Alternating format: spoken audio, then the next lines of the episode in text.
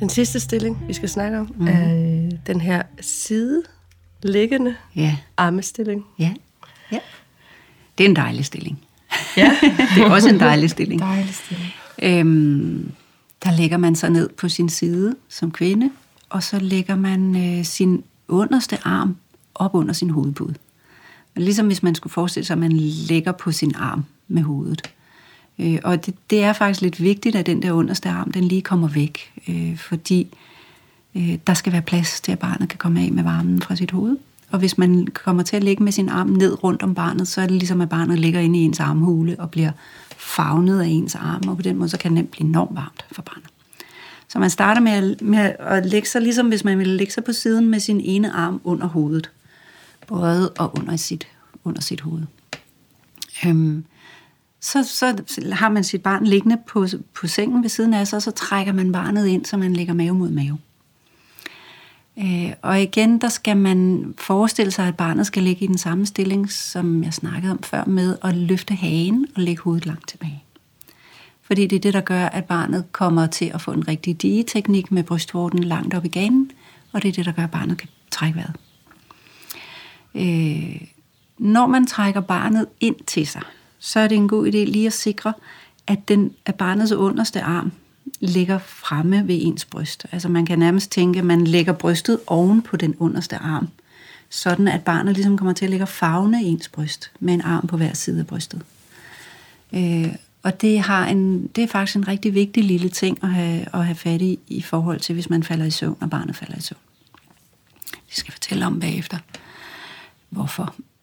øhm, så det, man trykker ind imod sin egen krop, det er faktisk barnets brystkasse. Så man skal prøve at få barnet igen til at sveje og skubbe brystkassen langt frem og lægge hagen langt tilbage.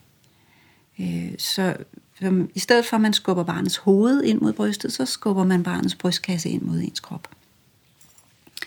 Øh, så ligger man sådan, og det er rigtig hyggeligt. Det er en dejlig stilling at ramme i.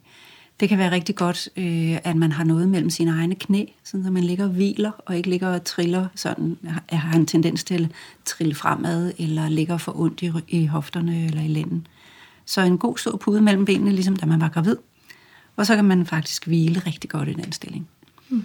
Det kan være lidt svært, hvis barnet ikke er så trænet endnu i at tage fat, så kan det være lidt svært at hjælpe barnet, når man ligger i den stilling. Både fordi det er lidt svært at se, hvad der foregår, men også fordi man ligesom ikke har så meget plads at gøre med, fordi der er bare bryst og baby, der, som bliver blandet godt sammen. Men, men når først barnet ved, hvordan man tager fat på brystet, og de, de to kender hinanden, så er det en rigtig rar armestilling. Og så ligger man der og slapper af og hviler sig. Og de allerfleste kvinder, de, øh, de blunder lidt, eller, eller bliver sådan døsige af at arme. Og det er fordi oxytocinet, som er i mælken, det påvirker både mor og barn på samme tid. Øh, Så man vil falde lidt hen, og det er fuldstændig almindeligt. Øh, Det vil være mærkeligt, hvis man ikke gjorde det, vil jeg sige.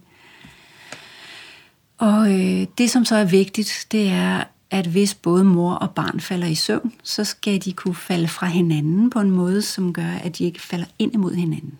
Altså, så der skal være en naturlig bevægelse i, hvis man falder i dyb søvn, at man så kommer til at ligge i en stilling, hvor man ikke ligger, hvor barnet ikke ligger inde i ens armhule, inden under brystet, lige pludselig. Fordi så bliver det for varmt for barnet, og så er det vi ikke sikre på, at barnet får luft nok.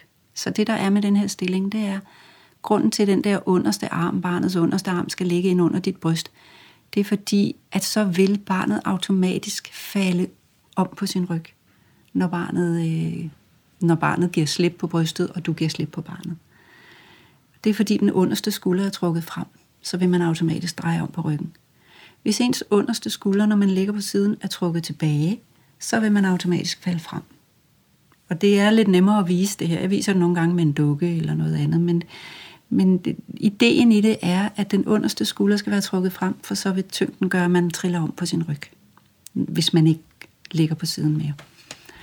Øhm, og det er vigtigt. Det er vigtigt, at barnet, hvis nu I begge to falder i søvn, at barnet triller om på sin ryg. Så er det, så er det vigtigt, at den der arm, som du selv ligger på, som jo er din underste arm, ligger oppe under dit hoved, sådan så at du ikke ligesom får skubbet barnet ind i din egen armhule, men, men at din, din armhule og din overkrop ligger lidt øh, fri af barnet.